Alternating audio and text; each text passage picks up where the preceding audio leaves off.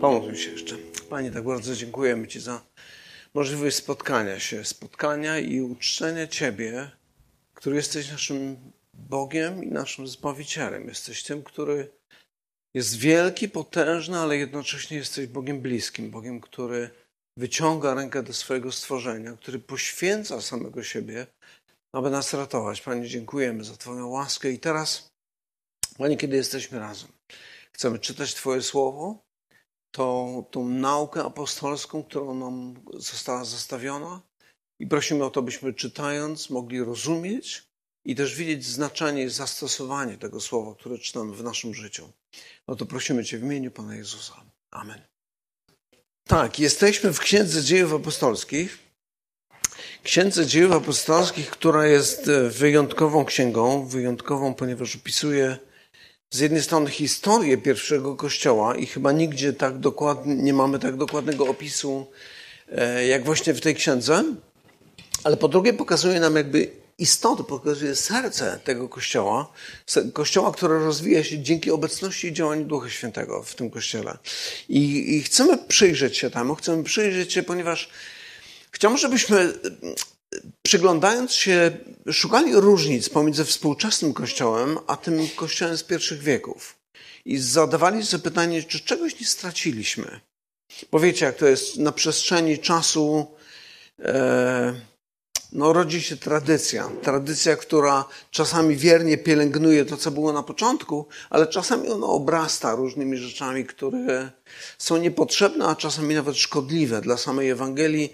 I tak naprawdę to już w dziejach apostolskich widzimy narastanie pewnej tradycji, którą, apostołowie musieli się rozprawić. To było szczególnie, e, chodziło o przyklejanie się do chrześcijaństwa tych wątków żydowskich. E, więc jest to taka walka, która właściwie tak naprawdę od początku e, chrześcijaństwa się toczy. E, to jest walka o prawdę, byśmy powiedzieli. Ale drugi powód też jest taki, dla którego chciałbym, żebyśmy właśnie przyglądali się pierwszemu kościołowi, jest to, żebyśmy też zwracając uwagę na tę różnicę, która jest między kościołem pierwszego wieku i współczesnym, nie wylali dziecka z kąpielą. Chodzi mi o te wszystkie osoby, które doświadczyły w swoim życiu złych rzeczy, E, doświadczyły jakiejś złośliwości, pogardy, może obmowy, może jeszcze czegoś gorszego ze strony chrześcijan. I myślą sobie, nie chcę mieć nic wspólnego z tą instytucją. Chrześcijanie mnie brzydzą. Doświadczenia z mojego życia wskazują na to, że chrześcijanie to hipokryci. I kiedy patrzymy na historię Kościoła, rzeczywiście jest wiele momentów, kiedy możemy wstydzić się za to, co Kościół robił tak zwani chrześcijanie.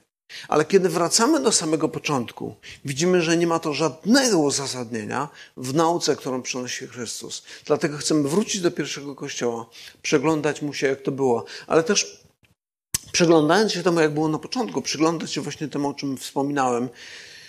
Chodzi mi o te walki, z którymi Kościół musiał się zmierzyć, żeby pozostać wiernymi Ewangelii. Ponieważ Ewangelia była kluczową sprawą, Ewangelia była czymś, co było e, najważniejszym. Więc tak, przechodzimy do naszego fragmentu, czyli apostolski, pierwszy rozdział, to będzie fragment od 12 wersetu do 26. I tu mamy taki obraz kościoła bez fajerwerków, byśmy powiedzieli. E, przeczytajmy najpierw tą historię. E, od 12 wersetu czytam. Wtedy powrócili do Jerozolimy z góry zwanej Oliwną, która leży w pobliżu Jerozolimy, w odległości drogi na jeden sabat. Droga na jeden sabat to było mniej więcej, ustalono to na mniej więcej jeden kilometr. Tak, oni tam mieli swój inny przelicznik, ale przeliczenie na nasze to około kilometra. Chodziło o drogę, którą wolno było przebyć w czasie sabatu, ponieważ sabat był dniem odpoczynku, chodzić nie wolno było, podróżować nie wolno było, więc jeżeli już ktoś musiał iść, no to w sumie nie mogło być to więcej niż mniej więcej właśnie jeden kilometr.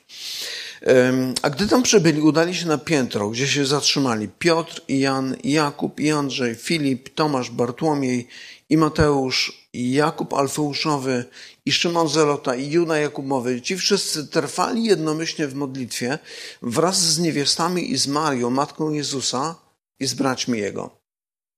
W owych dniach stanął Piotr wśród braci, a było tam zebrane grono około 120 osób i rzekł, mężowie bracia, musiało się wypełnić pismo, w którym Duch Święty przepowiedział przez usta Dawida o Judaszu, który stał się przywódcą tych, co pojmali Jezusa, bo został on zaliczony do naszego grona i miał udział w tej służbie. On to za, za, za otrzymaną zapłatę, za nieprawość, nabył pole, a upadłszy, pękł na dwoje i wypłynęły wszystkie wnętrzności jego.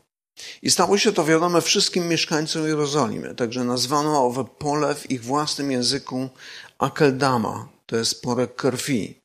E, słowo dam po hebrajsku znaczy krew, a Adam, co ciekawe, znaczy czerwony albo rudy, albo taki różowaty. Jak rodzi się dziecko, to jest takie różowe. E, ciekawe, Arabowie rozróżniają dwa kolory ludzi. To są właśnie ci Adam, czyli ci biali tak naprawdę i czarni, czyli wszyscy ci, którzy mają ciemną karnację. Nie wiem, jak siebie kwalifikują do tego, ale... Także nazwano to pole Akeldama, to jest pole krwi. Swoją drogą, czy to oznacza, że Adam był rudy? Aha, dzięki. E, napisano bowiem w Księdze Psalmów, i tutaj mamy cytat z Księgi Psalmów, niech siedziba jego stanie się pusta i niech nikt nie mieszka w niej oraz, a urząd jego niech weźmie inny. E, trzeba więc, aby jeden z tych mężów, którzy chodzili z nami przez cały czas, kiedy Pan Jezus przebywał między nami, począwszy od chrztu Jana aż do dnia, w którym od nas został wzięty w górę, stał się wraz z nami świadkiem Jego zmartwychwstania. I wskazali dwóch, Józefa zwanego Barsabą, którego też nazwano Justem i Macieja. Potem modlili się tymi słowy: Ty, Panie, który znasz serca wszystkich, wskaż tych, z tych dwóch jednego, którego obrałeś, aby zajął miejsce w tej służbie i w posłannictwie, któremu sprzeniewierzył się Judasz, aby pójść na miejsce swoje. I dali im losy. A los padł na Macieja i został dołączony do grona jedenastu apostołów. Także mamy tutaj opis początku Kościoła, taki właśnie początek Kościoła bez fajerwerków. I mówię to trochę z przekorą, trochę jakby oddając stan rzeczy, ponieważ w drugim rozdziale dziejów apostolskich już się dzieją rzeczy nadzwyczajne i tych nadzwyczajności jest tam w kolejnych rozdziałach dosyć sporo. Natomiast to rodzi pytanie, ale też nieporozumienia. Pytanie o to, kiedy tak naprawdę powstał Kościół? Czy Kościół zaczyna się z dniem Pięćdziesiątnicy, czyli drugi rozdział, jak tam spojrzymy na, na ten tekst, czy zaczyna się wcześniej z momentem śmierci Jezusa? A może zmartwychwstania? A może w niebo wstąpienia? A może pięćdziesiątnicy? I oczywiście ten spór i ta dyskusja, ona jest dosyć ważna, zaraz wam powiem dlaczego, wynika po części z pewnego nieporozumienia, a po części z jakichś takich, bym powiedział, teologicznych uprzedzeń albo z chęci udowodnienia czegoś. Po pierwsze, słowo Kościół oznacza po prostu zgromadzenie. Kiedy mówimy o początku Kościoła, to tak naprawdę, jakbyśmy powiedzieli, kiedy jest początek zgromadzenia uczniów Jezusa?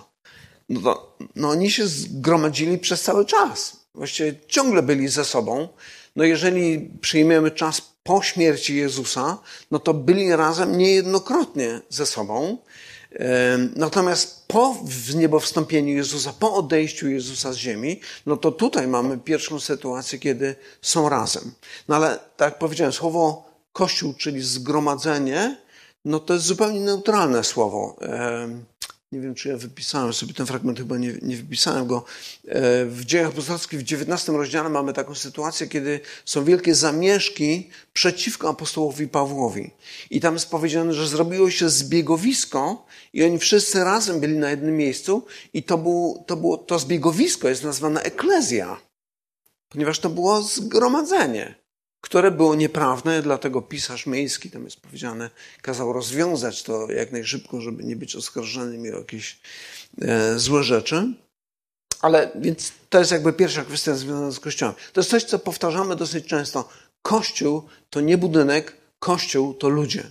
Kościół to zgromadzenie ludzi. Druga kwestia, myślę, że jest, jest troszeczkę istotniejsza, chociaż zależy dla kogo. Być może dla kogoś ta pierwsza jest ważniejsza jeżeli ktoś mówi, że Kościół zaczyna się dopiero od drugiego rozdziału dzieł apostolskich, kiedy zostaje wylany Duch Święty, czy jak to zostaje opisane też, czy nazywane, Kościół zostaje ochrzczony Duchem Świętym, to powiedziałbym tak, że, że taka perspektywa umniejsza ofiarę Jezusa Chrystusa. Umniejsza to, co wydarzyło się na Golgocie. Jeżeli Kościół zaczyna się dopiero tutaj, znaczy Kościół w znaczeniu tej nowej rzeczywistości Królestwa Bożego zaczyna się dopiero tutaj, to jakie znaczenie miała śmierć Jezusa? E, można by to zadać, znaczy sformułować to w postaci innego pytania. Co czyni człowieka chrześcijaninem? Wydarzenia z drugiego rozdziału, rozdziału dzieł apostolskich, czyli otrzymanie jakichś nadnaturalnych darów?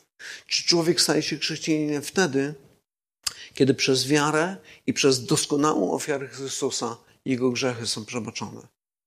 No myślę, że odpowiedź jest dosyć prosta. Oczywiście ofiara Chrystusa i przebaczenie grzechów.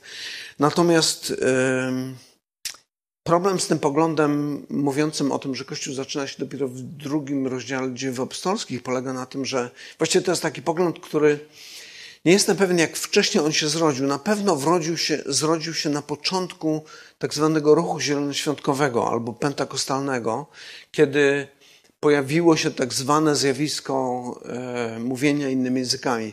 Za tydzień będziemy o tym mówili trochę więcej, więc tutaj tylko powiem e, w dwóch zdaniach. Chodzi o to, że to zjawisko było na tyle fascynujące, niezwykłe i ekscytujące, że ludzie uznali, że żebyś mógł nazwać siebie chrześcijaninem, to musisz mówić innymi językami. Tak jak to zostało opisane w dziejach apostolskich w drugim rozdziale. Ale tak jak powiedziałem, to umniejsza znaczeniu ofiary Chrystusa. To jest taki pogląd, który w historii Kościoła on jeszcze wcześniej się pojawił, ale ja już tak nie śledziłem dokładnie, jak to wyglądało. Także mamy do czynienia tak naprawdę z herezją. Tak naprawdę z herezją. Ale to e, w przyszłym tygodniu wyjaśnimy sobie o co chodzi, a teraz skupimy się na na tym naszym fragmencie. Ostatnio dużo mówiliśmy o znaczeniu, jakie miało w niebo wstąpienie Jezusa, czyli to było coś w rodzaju wstąpienia na tron, objęcia królowania. E, dana mu została wszelka władza na niebie i na ziemi, co zresztą, o czym zresztą sam mówi, ale dla uczniów, jakby ich perspektywa, ich może niepełne zrozumienie tego wszystkiego jeszcze, co się dzieje, było takie, zostaliśmy sami. Zostaliśmy sami, co my teraz mamy robić? E, no oczywiście Pan Jezus powiedział im, co mają robić. Mają czekać w Jerozolimie. Mają czekać w Jerozolimie, aż Duch Święty zostanie wylany. E, więc oni tak robią. Po tym spotkaniu udają się, udają się e, z tej góry oliwnej do Jerozolimy. Góra oliwna, tak mówiłem, była na, no, bardzo blisko. Pokażę Wam fajne zdjęcie. Nie wiem, czy widać te osoby. Y, ci Państwo, którzy tutaj stoją, stoją tyłem do, do samej Jerozolimy, a twarzą do Góry Oliwnej. Więc Góra Oliwna to była. My, nie jestem pewien, czy my byliśmy tu w tych ogrodach oliwnych, czy już wyszliśmy z tych ogrodów. Ona chyba była troszeczkę wyżej. W każdym razie to było blisko. Tutaj u góry, zobaczcie, tam jest Złota Brama. To jest ta brama, przez którą Pan Jezus wjeżdżał e, do Jerozolimy. E, no, wtedy na tym osiołku. Cała ta wielka sytuacja, która miała miejsce. Więc to było takie nadzwyczajne doświadczenie. Nie wiemy, gdzie zatrzymali się uczniowie. Przypuszczamy, że tak jak tutaj w naszym fragmencie jest napisane, gdzieś przybyli, zatrzymali się, poszli na piętro w 13 wersecie. Musiał to być dosyć duży dom. To znaczy, tym razem ich było jeszcze niedużo. Później ich jest troszeczkę więcej. Mamy taki fragment w Dziejach Apostolskich w 12 rozdziale gdzie jest opisana jedna sytuacja, kiedy Piotr, po tym, kiedy anioł mu pomógł wyjść z więzienia, on idzie do wierzących ludzi, którzy są zgromadzeni na modlitwie. I w tym dwunastym rozdziale są takie słowa, gdy to sobie Piotr uświadomił, udał się do domu Marii, matki Jana, którego zwano Markiem, to jest ten autor y, Ewangelii Marka. Jego mama mieszkała w Jerozolimie on tam się pewnie wychowywał, gdzie było wielu zgromadzonych na modlitwie. Skoro wielu było zgromadzonych na modlitwie, to musiał to być raczej dosyć duży dom, w którym oni mogli się zebrać. I tu mamy ciekawą informację. Zbierają się, i tu są w trzynastym wersecie wymienieni 11 apostołów, no wiadomo, 11, bo Judasz już nie żyje. I w 14 wersecie czytamy jeszcze o niewiastach, w tym matka Jezusa i również jego bracia. I teraz spróbujcie sobie wyobrazić całą tą sytuację. Matka Jezusa, Jezusa, który w niebo wstąpił, jej syn, jego bracia, z którymi wychowywali się razem, którymi, nie wiem, bawili się na podwórku razem, pracowali być może w warsztacie razem z ojcem, e, tego Jezusa już nie ma, i oni spotykają się, żeby oddawać cześć synowi Marii czy braciom swojemu bratu, którego traktują jako Boga. Więc ta sytuacja była niesamowita dla nich. Myślę, że to. No i oczywiście fakt, że oni są tutaj razem z nim, jest czymś niezwykłym. E, w Ewangelii Marka, jeżeli dobrze pamiętam, mamy informację o tym, że Jezus miał przynajmniej czterech braci jeszcze, więc było ich w sumie pięciu braci i jeszcze były siostry. Więc no, siostry liczymy mnogo, więc przynajmniej dwie były, może było więcej, nie wiemy. E, więc no, taka dosyć spora rodzina, fajna rodzina, byśmy powiedzieli. E, pewnie nigdy się nie nudzili, jak byli razem. I ta rodzina, kiedy przygląda się rozwojowi życiu Jezusa, który staje się w pewnym momencie dorosłym człowiekiem, patrzy na jego zachowanie i myśli sobie, zwariował. Odszedł od zmysłów, coś jest nie tak. I kiedy czytamy Ewangelię Marka, mamy tam. E... Aha, tu mamy tych. Tak, zapomniałem kliknąć. Tak. Kiedy czytamy Marka, w Ewangelii Marka mamy taką informację o tym, jak, jaki to, ta rodzina miała stosunek do Jezusa za jego życia, kiedy jeszcze był na ziemi. E, gdy on jeszcze mówił do tłumów, oto matka i bracia jego stanęli na dworze, chcąc z nim mówić. E, jakby chcieli go wyciągnąć. Weźcie, zwróćcie uwagę na ten poprzedni fragment, gdzie jest powiedziane, krewni, gdy o tym usłyszeli. Teraz mamy tuż po tym, kiedy Pan Jezus wybiera dwunastu apostołów i tam jakieś uzdrowienia mają miejsce. I krewni, gdy, gdy o tym usłyszeli, przyszli, aby go pochwycić. Mówili bowiem, że odszedł od zmysłów. Więc ich stosunek do Jezusa był taki, no po prostu wariat. Coś jest nie tak. Musimy coś zrobić, musimy go, nie wiem, zamknąć w domu. Jedną izbę chyba poświęcimy na to, żeby była na jakąś kłodę zamykana, żeby on nie wychodził, no bo to obciach dla całej rodziny, nie? Co on robi? Um, więc ta sytuacja była po prostu czymś niezwykłym. E, jeszcze wyobraźcie sobie taką sytuację, kiedy kobiety rozmawiają o swoich dzieciach. E, no to Maria mówi, no ten mój syn to jest taki, tam, on ostatnio mi zrobił takiego coś tam, ten drugi też, ale je, a Jezus? Wiesz co, no nic, nic złego nie mogę nim powiedzieć. I to była prawdopodobnie jedyna sytuacja i jedyna matka, która kiedy mówiła coś takiego, że nie mogę nic złego o swoim synu powiedzieć, mówiła prawdę. Nie? Wszystkie inne, które mówią, to tak ściemniają albo nie chcą pamiętać o wszystkim, co te dzieci tam robią. No natomiast najbardziej jestem ciekawy relacji Jezusa z jego braćmi, jak to chłopaki mm, gdzieś tam przy domu różne rzeczy się dzieją, więc Ewangelie milczą na ten temat, więc ja też nie będę się wymądrzał. Tak, ale kiedy, e, kiedy Jezus dorasta, wszystko się zmienia. E, na początku, tak mówiłem, traktują go jako wariata, ale potem, kiedy on umiera i zmartwychwstaje, wszystko się zmienia. Z tradycji też wiemy, że Jakub był tym, na którym właśnie e, zmartwychwstanie Jezusa zrobiło największe wrażenie. I to spowodowało jego nawrócenie. Podobnie było z Judą. Jakub to jest ten autor listu Jakuba, który jest w Nowym Testamencie. To jest brat Jezusa. List Judy, który mamy, to również jest brat Jezusa i brat Jakuba. E, Jakub był jednym z najbardziej poważanych starszych zborów w Jerozolimie, być może kimś na wzór pastora tego zboru. Tam mamy kilka sytuacji opisanych, już nie będę do tego wracał. E, więc jakby wszystko się zmienia. I teraz w tym fragmencie, który czytamy, widzimy, że matka Jezusa i jego rodzeństwo, jego bracia też się pojawiają. Być może siostry też w gronie tych niewiast, o których jest tutaj mowa w tym fragmencie. E, nie będziemy omawiali wszystkich tych e, bohaterów, którzy tu się pojawiają. Chciałbym zwrócić uwagę tylko na jedną osobę. Osobę, której tu nie ma czyli Judasza. Judasza, który, którego czyn, którego życie, którego sama osoba budzi wiele pytań. Na przykład, czy Judasz musiał zrobić to, co zrobił? Czy Bóg zmusił go do tego? Innymi słowy, czy Bóg jest odpowiedzialny za jego grzech? Gdy umarł, to czy umarł jako zagubiony chrześcijanin, czy jako człowiek zupełnie niewierzący? Pierwsza taka techniczna uwaga dotycząca śmierci Jezusa. Zobaczcie, tutaj mamy powiedziane, a upadłszy pęk na dwoje i wypłynęły wszystkie wnętrzności Jego.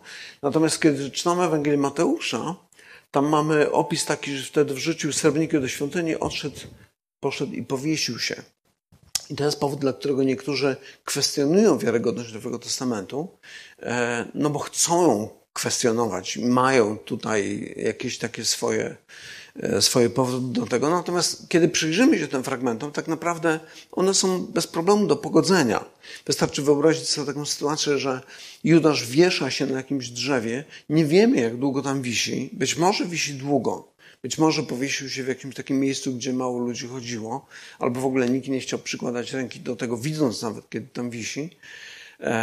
I w pewnym momencie albo lina urwała się, albo gałąź się urwała i on przewraca się w jakiś taki nieszczęśliwy sposób, czy spada w taki nieszczęśliwy sposób, że otwierają się jego wnętrzności i wypływają na zewnątrz, jak to Łukasz tutaj opisuje. W ogóle ciekawe jest, że Łukasz pisze o tym, więc najwyraźniej to był jakiś problem, były jakieś nieporozumienia związane właśnie z Judaszem i wydaje się tak, jakby Łukasz e, chciał to wyjaśnić tutaj, żeby nie było co do tego wątpliwości. Um, tak, i no, później dowiadujemy się o tym, że to pole, na którym się powiesił, e, zostaje nazwane Akeldama. Akeldama jest akcent na ostatnią sylabę. Akeldama to tak jak nazwa zespołu rockowego brzmi. E, sto lat później mniej więcej powstaje Ewangelia Judasza. I to jest e, ciekawy dokument. To jest dokument gnostycki, tak się o tym mówi, czyli ludzie, którzy wierzą w jakieś takie nadzwyczajne poznanie, poznanie rzeczywistości, które nie jest dostępne przeciętnym ludziom. I w tej Ewangelii Judasza Judasz przedstawiony jest zupełnie inaczej. I oczywiście wiadomo, Dan Brown, teorie spiskowe i tak dalej, i tak ukrywana Ewangelia, zatajenie prawdy, takie różne głupstwa. W tej Ewangelii Judasza między innymi jest taka rozmowa Jezusa z Judaszem, kiedy Jezus mówi do Judasza, ty przewyższysz ich wszystkich, ponieważ ty poświęcisz człowieka, który mnie przygodziewa. Innymi słowy, Jezus był więźniem swojego ciała, ale ty, Judaszu, dasz mi wolność. I to jest piękne. I to, no, to Ewangelia gnostycka, po prostu taki był okres, kiedy pisano takie rzeczy, wierzono w takie rzeczy. E, kiedy natomiast czytamy Ewangelię, szczególnie Ewangelię Łukasza, to widzimy, że Łukasz zupełnie inaczej przedstawia tą całą sytuację.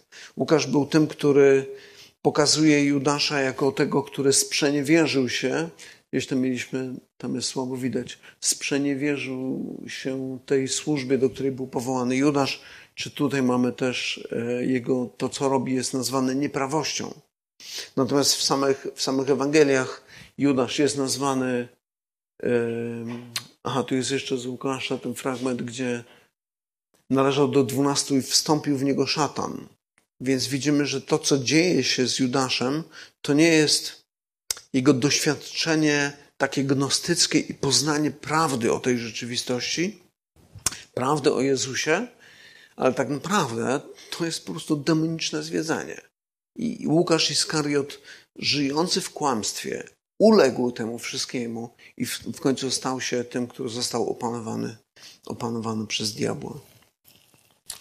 E, samego Judasza też e, Łukasz nazywa zdrajcą i tak jak tutaj widzieliśmy, Później czytamy, że pod koniec wstępuje w niego szatan. Więc to jest, to jest w ogóle mm, ciekawe zagadnienie. Czasami ludzie pytają mnie o tym, jak to możliwe, że ktoś zostaje opętany. E, I nie mam odpowiedzi takiej bardzo czarno-białej, jasnej, prostej. Znaczy, może mam prostą, ale jakby nie wprost wynikającej z pisma, natomiast pośrednio. Chodzi mi o ten obraz, który zostawia Pan Jezus, kiedy mówi, że diabeł jest kłamcą i ojcem kłamstwa.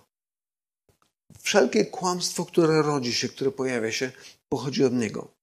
I myślę, że kiedy patrzymy na życie Judasza, to można przyjąć taką hipotezę, że ludzie, którzy pielęgnują w swoim życiu kłamstwo,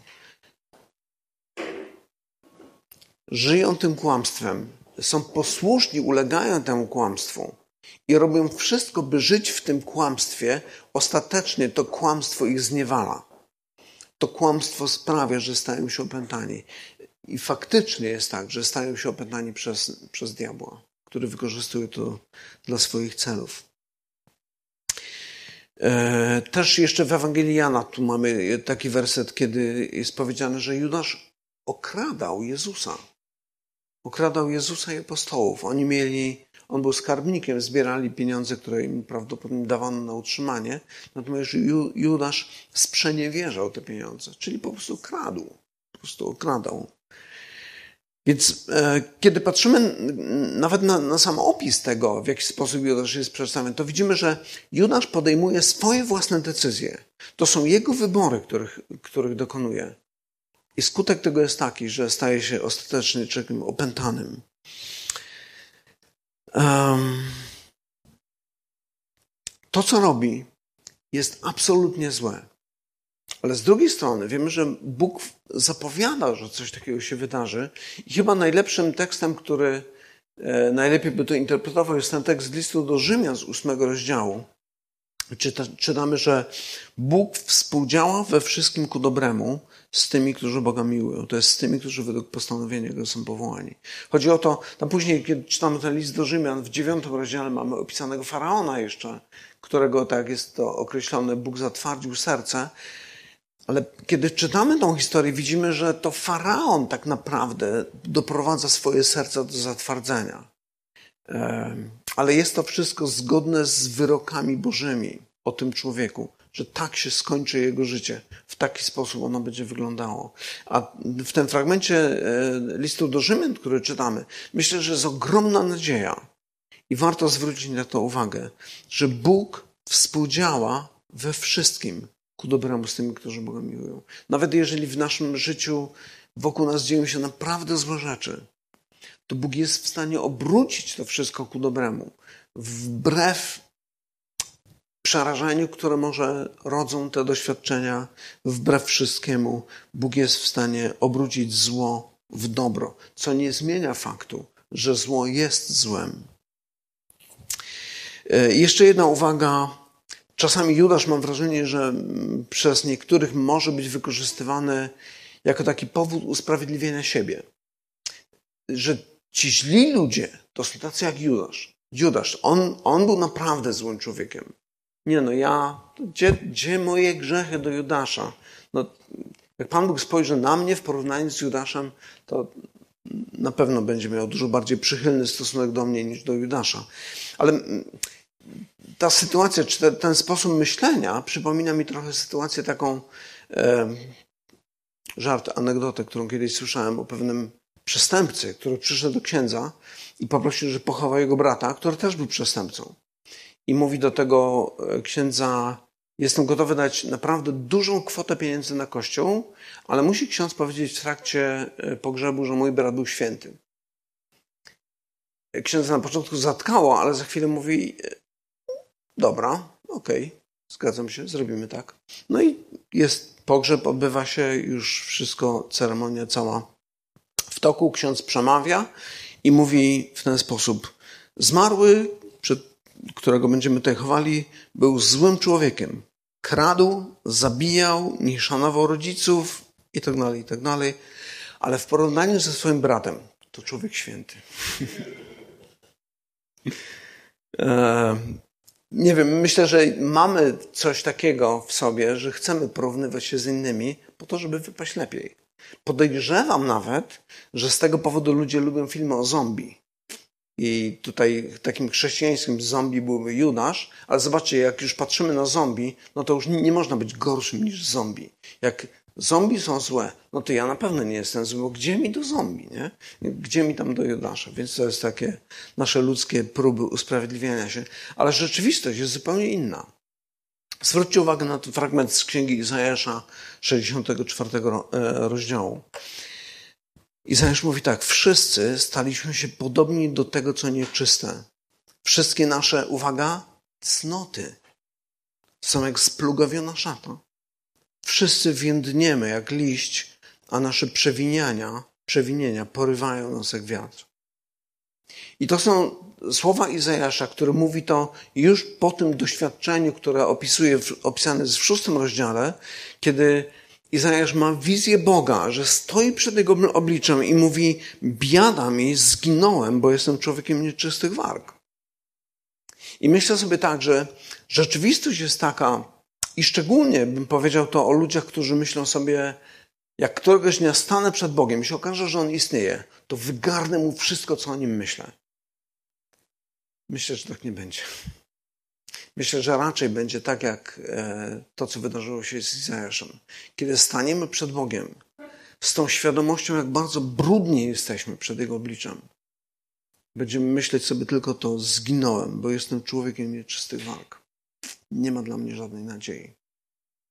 I oczywiście tylko ci, którzy będą tą swoją nadzieję budowali na Chrystusie, który zginął zamiast nich, tylko ci będą z nadzieją i pokojem oczekiwali na ciąg dalszy tego spotkania. Tak, w wersecie 14 mamy informację o tym, że e, trwali jednomyślnie w modlitwie a potem mamy informację o tym, że było ich 120 osób. Oczywiście na początku mamy tą grupę kilkunastu, może dwudziestu paru osób, a zaraz potem mamy 120. I to daje też taki ciekawy obraz. No oczywiście oni na początku są gdzieś na Górze Oliwnej, rozstają się z Panem Jezusem, potem idą do tego pomieszczenia, więc siłą rzeczy jest ich mała grupka, ale stopniowo zdaje się przybywać tych ludzi w tej grupie i ta grupa urasta do liczby 120 osób. Co też jest ciekawe, e, chodzi mi o to, żebyśmy zwrócili uwagę na fragment z listu do Koryntian. E, w liście do Koryntian nie napisałem tego wersetu. Apostoł Paweł, kiedy przypomina, co wydarzyło się po zmartwychwstaniu Jezusa, mówi tak. Potem ukazał się więcej niż 500 braciom naraz, z których większość dotychczas żyje, a niektórzy zasnęli. Paweł pisze już list do Koryntian, więc to jest troszeczkę późniejsze lata są, tam ze 20 parę lat później, e, Jezus ukazuje się 500 braciom naraz. Tu, kiedy spotykają się, jest ich 120. Gdzie jest reszta? I oczywiście różne mogą być odpowiedzi. Jedna może być taka, że po prostu spotykali się w innych domach, ponieważ dom był za mały, żeby 500 osób mogło w jednym domu się spotkać. I to jest całkiem prawdopodobne. Ale być może część z nich, pomimo tego, że widzieli zmartwychwstałego Jezusa, odeszli wrócili do świata, ponieważ takie życie było łatwiejsze. Pomimo tego, że poznali prawdę, odwrócili się od tej prawdy. I później, kiedy czytamy Ewangelię czy listy apostolskie, to wiemy, że, że był to problem. Um, tak, mamy tutaj informację o tych dwunastu. Znaczy, w tej chwili jedenastu, ale tak naprawdę chodzi o grono dwunastu apostołów. I teraz brakuje tego jednego, więc trzeba uzupełnić. Więc rodzi się pytanie, dlaczego to było takie ważne? I oczywiście tutaj można byłoby rozwinąć całą teologię liczby 12.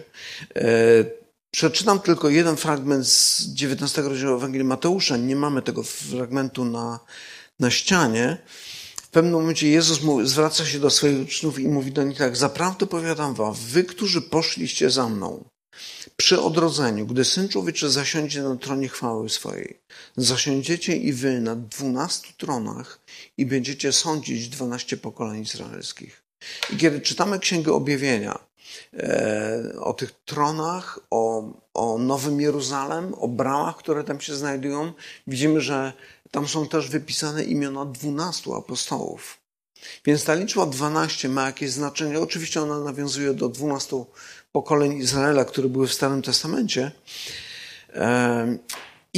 I, ta grupa dwunastu miała być grupą dwunastu. I Jezus, kiedy kilka razy wypowiada się na temat tej wąskiej grupy uczniów, bo wiemy, że ich było więcej, mówi o nich dwunastu was powołałem. I dwunastu poszło tam i tam. Więc to określenie dwunastu stało się już takim synonimem tej grupy wąskiego grona ludzi, o których dzisiaj byśmy powiedzieli po prostu apostołowie. I to byli ludzie obdarzeni szczególnym autorytetem. Tu mam jeden fragment z Ewangelii Łukasza, gdzie Jezus, e, posyłając swoich uczniów, tych, którzy mają Jego słowo głosić, mówi w taki sposób: Kto was słucha, mnie słucha. Kto wami gardzi, mną gardzi. A kto mną gardzi, gardzi tym, który mnie posłał. I tu w tym fragmencie akurat Jezus wypowiada słowo do 72. W innych fragmentach Jezus mówi tylko o tych 12 swoich uczniach. Ale myślę, że to jest szalenie ważne, szczególnie jeżeli spotkacie się kiedyś z ludźmi, którzy mówią: Jezus, jasne, Jezus jest super. Za Jezusem w ogień bym poszedł. Ale apostołowie, a już w ogóle Paweł, no daj spokój. W życiu nigdy to jest straszny człowiek, zły człowiek, w ogóle nie chce mieć nic, nic wspólnego. I nawet są takie wspólnoty, które czytając Nowy Testament, czytają różne księgi, szczególnie Ewangelie, ale nie czytają listów Pawła. Odrzucają go, ponieważ z jakiegoś powodu nie chcą się z nim utożsamić, nie zgadzają się z jego nauką. Ale kiedy czytamy Ewangelię, Jezus mówi: Kto was słucha, mnie słucha, kto wami gardzi, mną gardzi. I uwaga, a kto mną gardzi, mówi Jezus, gardzi tym, który mnie posłał. Więc nie można być chrześcijaninem, który mówi: Jezus, jasne, 100% w ogień za nim pójdę. Ale apostołowie, nie, oni, oni niczego nie rozumieli i ciągle im się jakieś wydawały, dziwne poglądy mieli. E, więc to jest takie ostrzeżenie przed tymi grupami ludzi, którzy mają takie właśnie dziwaczne poglądy.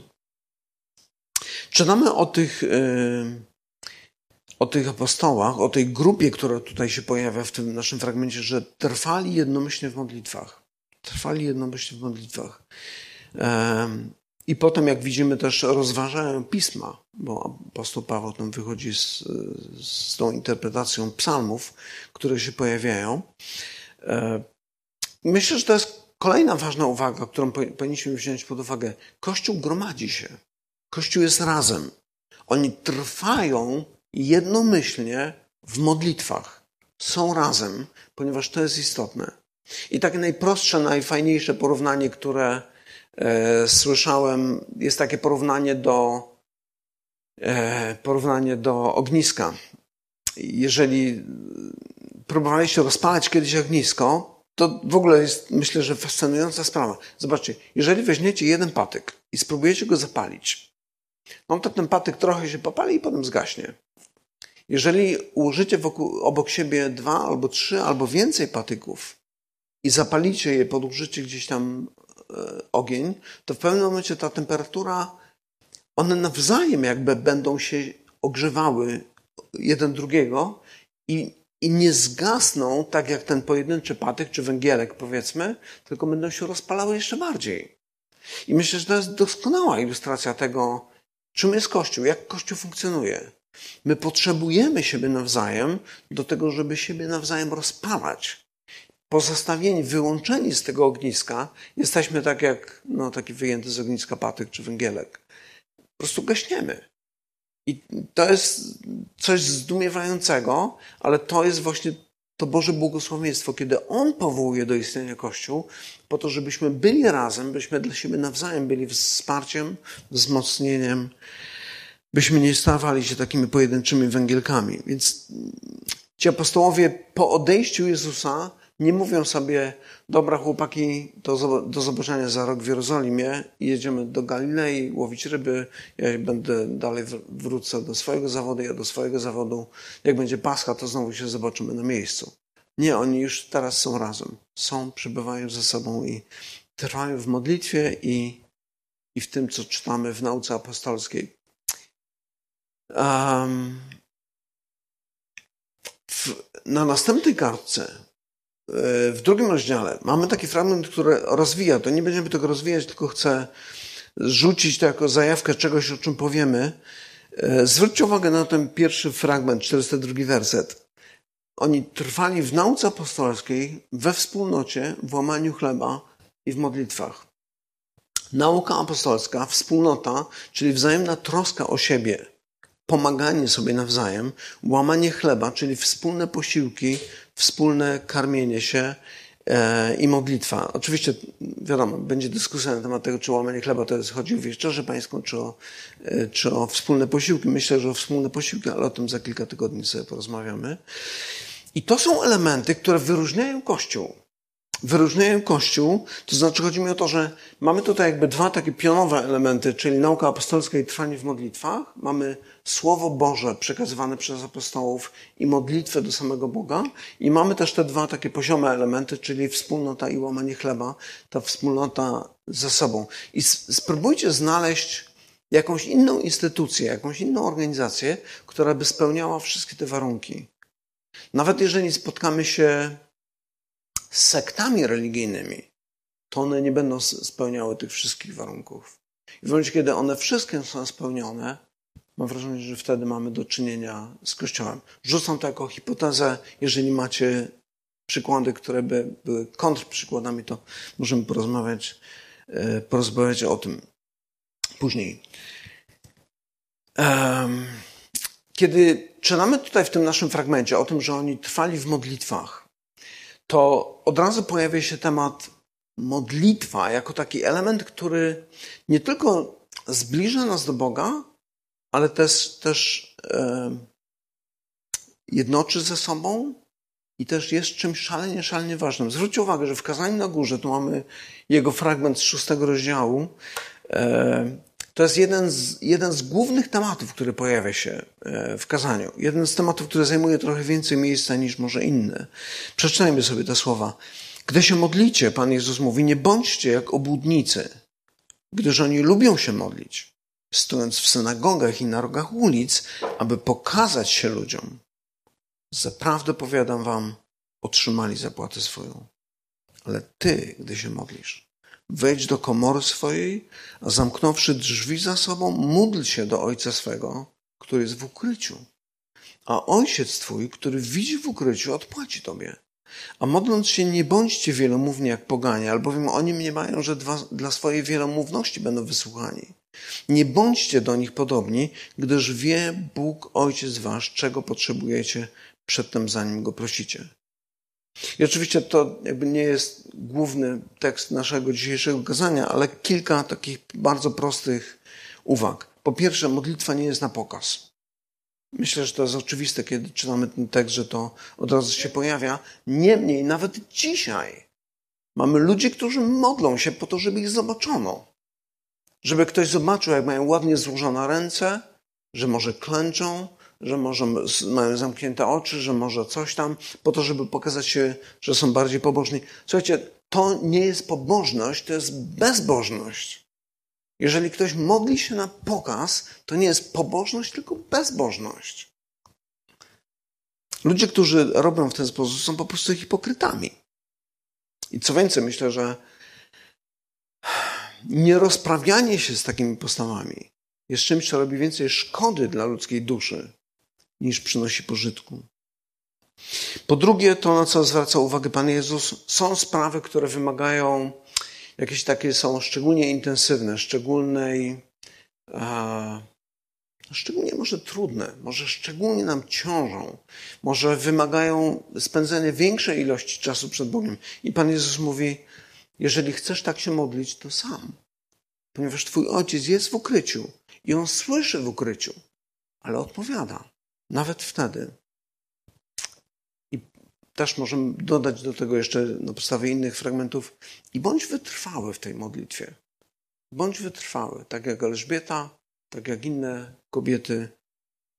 Wiemy, że Pan Bóg może na naszą modlitwę odpowiedzieć tak, może powiedzieć nie, tak jak apostołowi Pawłowi mówi, kiedy ten prosi go o uzdrowienie, o wyjęcie tego jakiegoś ciernia z jego ciała, ale też może powiedzieć poczekaj, i wtedy to poczekaj jest czymś, co wymaga czasu, wytrwałości w modlitwie, kiedy stale przychodzimy do Boga i mówimy, Panie, naprawdę jest mi ciężko, Panie, naprawdę Cię potrzebuję.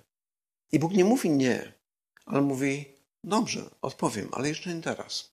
Jeszcze nie nadszedł czas. Przyjdzie ten właściwy moment, kiedy, kiedy odpowiem. Też na podstawie tego tekstu moglibyśmy powiedzieć jeszcze jedną taką myśl wszelka modlitwa, która ma na celu przekonanie Pana Boga do czegoś tam, co byśmy chcieli, e, jest pogańską modlitwą.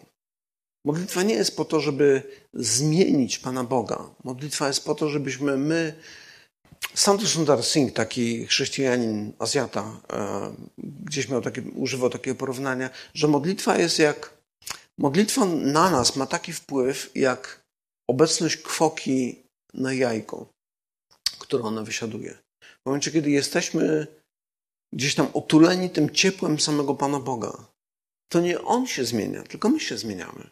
Właściwie On nas zmienia. I w pewnym momencie wykluwa się to, o co Panu Bogu chodziło. I co więcej, nawet bym powiedział, kiedy patrzymy na ten fragment, tutaj widzimy, że oni trwali w modlitwie. W pewnym momencie Piotr zauważa, słuchajcie, jest coś, co musimy zrobić. Musimy wybrać dwunastego apostoła. Zobaczcie, że to trwanie w modlitwie, no i jakby wierność Bożemu Słowu jest czymś, co sprawia, że oni wiedzą, co mają robić. I myślę, że to jest coś, czego możemy z tego fragmentu też się nauczyć. Jedna jeszcze uwaga dotycząca ludzi, którzy traktują modlitwy właśnie w taki sposób, jak e, no właśnie sposób na Pana Boga, ale modlą się, to chyba Jakub pisze o tym w swoim liście, niezgodnie z Bożą wolą. E, chodzi mi o takie sytuacje, na przykład chłopak i dziewczyna mieszkają ze sobą razem, bez ślubu i proszą Cię, żebyś pomodlił się o nich, żeby Pan Bóg ich błogosławił, prowadził. Pierwsze pytanie, które należy mm, zadać takim osobom, czy wy w ogóle czytacie Boże Słowo? Czy wy wiecie, czego Bóg od was oczekuje? To nie jest to, w jaki sposób powinniście żyć. To nie jest życie, do którego zostaliście powołani. I proszenie o to, żeby Pan pobłogosławił coś, co On powiedział, ja nie tylko tego nie pobłogosławię, ja to przeklnę. E, myślę, że list do Tesalonicza najbardziej wyraźnie o tym mówi że wszeteczeństwo jest przekleństwem, które spada na człowieka. To jeszcze proszenie o modlitwę w takiej sytuacji jest po prostu bluźnierstwem. Podobnie ojciec, który nie dba o swoje dzieci czy o swoją rodzinę, ale modli się o tą rodzinę i chce jeszcze prosić innych, żeby modlili się o tą rodzinę, jest po prostu kpiną, jest szydzeniem z Boga. Albo ludzie, którzy modlą się o materialne powodzenie, ale w momencie, kiedy już otrzymują jakieś pieniądze, zużywają je na zaspokojenie swoich potrzeb, jak mówi Jakub, i to wszystko po prostu szydzą z Boga.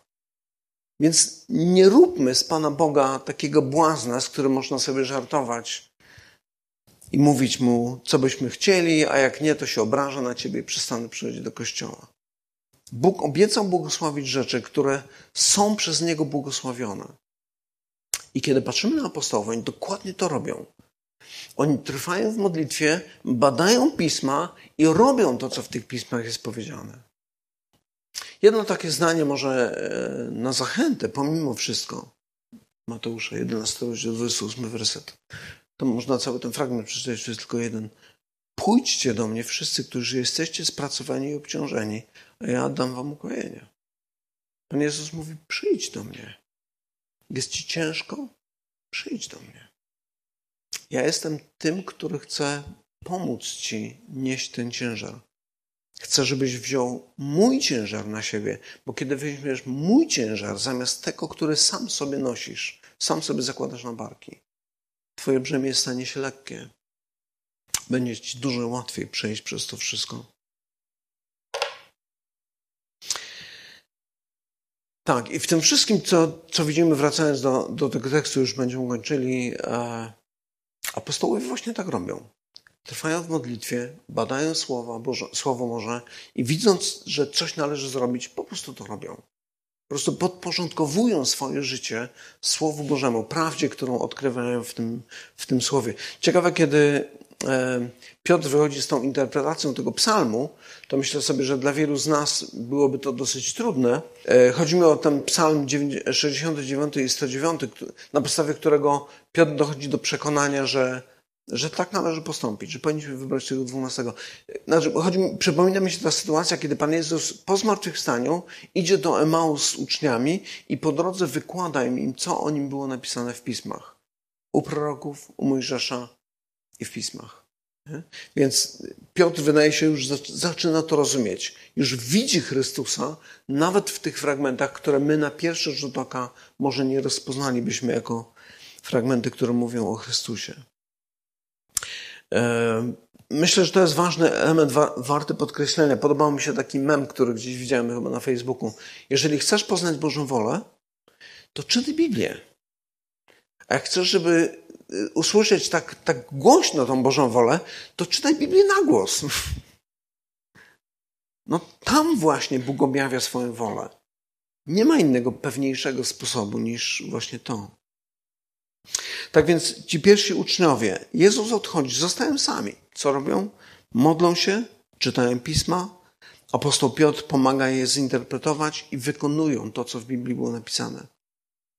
Trzeba było wybrać dwunastego, to wybierają dwunastego. I jeszcze jedna krótka obserwacja związana z tym, jak oni to robią ciągną losy, czy rzucają losy. Nie wiemy dokładnie, jak to, jak to przebiegało. I samo w sobie jest to kontrowersyjna sytuacja. No co z tymi losami? Czy my dzisiaj też możemy rzucać losy, czy nie? bardzo ciekawą obserwację na ten temat poczynił Arcis Sproul. Niektórzy z Was kojarzą go, taki nauczyciel, on niedawno zmarł, ale bardzo, bardzo ciekawy człowiek. On mówi tak, po pierwsze apostołowie E, zwrócili uwagę na kryteria, jakie powinny być spełnione, żeby ci apostołowie mogli być wybrani. Znaczy, żeby ten dwunasty apostoł mógł być wybrany. No, ale wychodzi na to, że mają dwóch takich, którzy spełniają te kryteria. Co w tej sytuacji zrobić? E, I tu się pojawia, to, to jest bardzo podobna sytuacja do tej, z którą miał do czynienia Jezus, kiedy wybierał dwunastu apostołów. Pamiętacie, on tych uczniów miał więcej. Więcej, z których mógł wybrać no jeżeli nie tą dwunastkę, to jakąś inną, ale to on musiał wybrać tych dwunastu i dokonuje tego wyboru. I teraz apostołowie mają podobną sytuację. Sprawdzili kwalifikacje, sprawdzili kryteria i gdzieś pozostawiają to Bogu, ponieważ jakby zakładają, ok, ten człowiek musiał być z nami od chrztu Jana, musiał być świadkiem zmartwychwstania i w niebo wstąpienia i musi być wybrany przez Jezusa. Tak jak to było na początku. I oni dokładnie to robią. Oni pozwalają Chrystusowi przez rzucanie losów. To był jedyny sposób, który znali na podstawie starotestamentowych e, praktyk i doświadczeń. Jedyny sposób, żeby Bóg zdecydował. I z tego powodu ten przykład, ta sytuacja jest jednorazową sytuacją, która wymagała e, takiego nadnaturalnego orzeczenia, ponieważ to sam Bóg, sam Chrystus miał wybrać tego, który miał być tym dwunastym apostołem.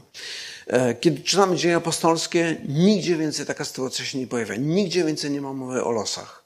Kiedy czytamy listy apostolskie, nigdzie nie ma nauczania na ten temat, w jaki sposób należy rzucać losy i w jaki sposób postępować. Więc ta sytuacja przypomina mi trochę e, taką sytuację. Apostołowie jakby robią takie zgrubne rozpoznanie. Zostają dwie osoby, które mogą być tymi apostołami i jakby odstawiają ręce od tego, mówią, Panie Boże, teraz już Ty zdecyduj. I to mi przypomina bardzo sytuację Lota i Abrahama. Pamiętacie ten moment, kiedy oni już mieli razem, będąc tak dużo trzód, że nie mogli być razem na jednym miejscu, ponieważ za mało było trawy, czy cokolwiek tam jedzą te zwierzęta. I postanowili się rozstać. I Abraham mówi wtedy do Lota, jeżeli chcesz iść na wschód, idź na wschód, ja pójdę na zachód. Jeżeli chcesz iść na zachód, idź na zachód, ja pójdę na wschód. Jest mi wszystko jedno ponieważ Bóg jest ze mną. Ponieważ Bóg mnie prowadzi, jestem bezpieczny. Nie ma dla mnie znaczenia, czy będzie tak, czy będzie siak, czy będzie jeszcze jakoś inaczej. I to jest coś, co myślę, że, że naprawdę może być źródłem prawdziwego pokoju i takiego prawdziwego poczucia bezpieczeństwa. Zakończę jednym fragmentem e, z księgi Izajasza właśnie. Strasznie mi się spodobał ten fragment. E, Lecz ci, którzy ufają Panu, dosłownie wyczekują Pana albo wyglądają Pana, nabierają siły, wzbijają się w górę na skrzydłach jak orły, biegną, a nie mdleją, idą, a nie ustają. Ci, którzy wyczekują Pana, zauważcie, Pan Jezus mówi, czekajcie w Jerozolimie. Czekajcie, czekajcie. I kiedy patrzymy na samego Jezusa, On też czeka. Czeka 30 lat, zanim rozpocznie swoją misję. Dlaczego tak długo? Może dlaczego tak krótko? Boży czas się liczy. Kiedy Łazarz choruje, on czeka, ponieważ wie, że moment, który Bóg mu wyznaczył do tego, żeby pójść tam e, do miejsca, gdzie Łazarz był, był o kilka dni później, więc Jezus czeka. I to samo robią teraz apostołowie. I tutaj mamy taką obietnicę. Ci, którzy wyczekują Pana, wyglądają Pana, albo oczekują na, na Jego prowadzenie, szukają Jego prowadzenia, nabierają siły, wzbijają się w górę na skrzydłach jak orły, biegną, a nie mdleją, idą, a nie ustają. I spójrzcie przez pryzmat tego wersetu na resztę dziejów apostolskich. Mamy Kościół, który nabiera siły, wzbija się w górę na skrzydłach jak orły, biegnie, nie mdleje, idzie i nie ustaje. W mocy Boga, zgodnie z Jego harmonogramem działania, dzieją się rzeczy nadzwyczajne. Ale to tylko przez posłuszeństwo pierwszego Kościoła, który zbiera się, trwa w modlitwie, bada Boże Słowo, wykonuje to Słowo i wtedy, kiedy trzeba, działa, wtedy, kiedy Pan Bóg jest posyła. I do tego chcę nas wszystkich zachęcić, byśmy jako Kościół modlili się, czy to na grupkach, bo na grupkach mamy więcej czasu na modlitwę, o siebie nawzajem, o losy Kościoła, o losy Ewangelii w tym mieście, po to byśmy byli tymi, którzy doświadczają potem tego, o czym mówi Izajasz. Ci, którzy wyczekują Pana, nabierają siły, wzbijają się w górę na skrzydłach jak orły, biegną, a nie mdleją, idą, a nie ustają. Kiedy patrzymy na życie Jezusa, kiedy patrzymy na życie apostołów, to jest właśnie to, czego doświadczali, ponieważ pozostali wierni. I nawet wtedy, kiedy byli zabijani, doświadczali tego, o czym Izajasz tutaj pisze. Panie, dziękuję Ci za to, że jesteś Bogiem, który działa w sposób nadzwyczajny. Kiedy my pozostajemy Tobie wierni, możemy doświadczać Twojej łaski na, na w, w, nieznany nam sposób. Możemy doświadczać czegoś, co, co jest nam zupełnie nieznane. Tak jak mówi Izajasz o tym orle, który wzbija się w górę. Możemy być tymi, którzy mają niezwykłą siłę i energię, którą Ty dajesz. Panie, i przynosimy Tobie siebie, powierzamy siebie w Twoje ręce. Prosimy Ciebie o nasz Kościół, o naszą wspólnotę, o, o nas indywidualnie, o to, żebyś trzymał nas w swoim ręku, żebyś zachował nas od wpływu, wpływu tego świata, żebyś pomógł nam w Twojej mocy, w Twoim czasie na Twój sposób być wykonawcami Twojej woli, by Twoja chwała mogła być widoczna w naszym życiu. Prosimy, prowadź nas, Panie, i niech Twoje imię będzie uwielbione, bo tylko Ty jesteś godzien chwały i uwielbienia. Amen.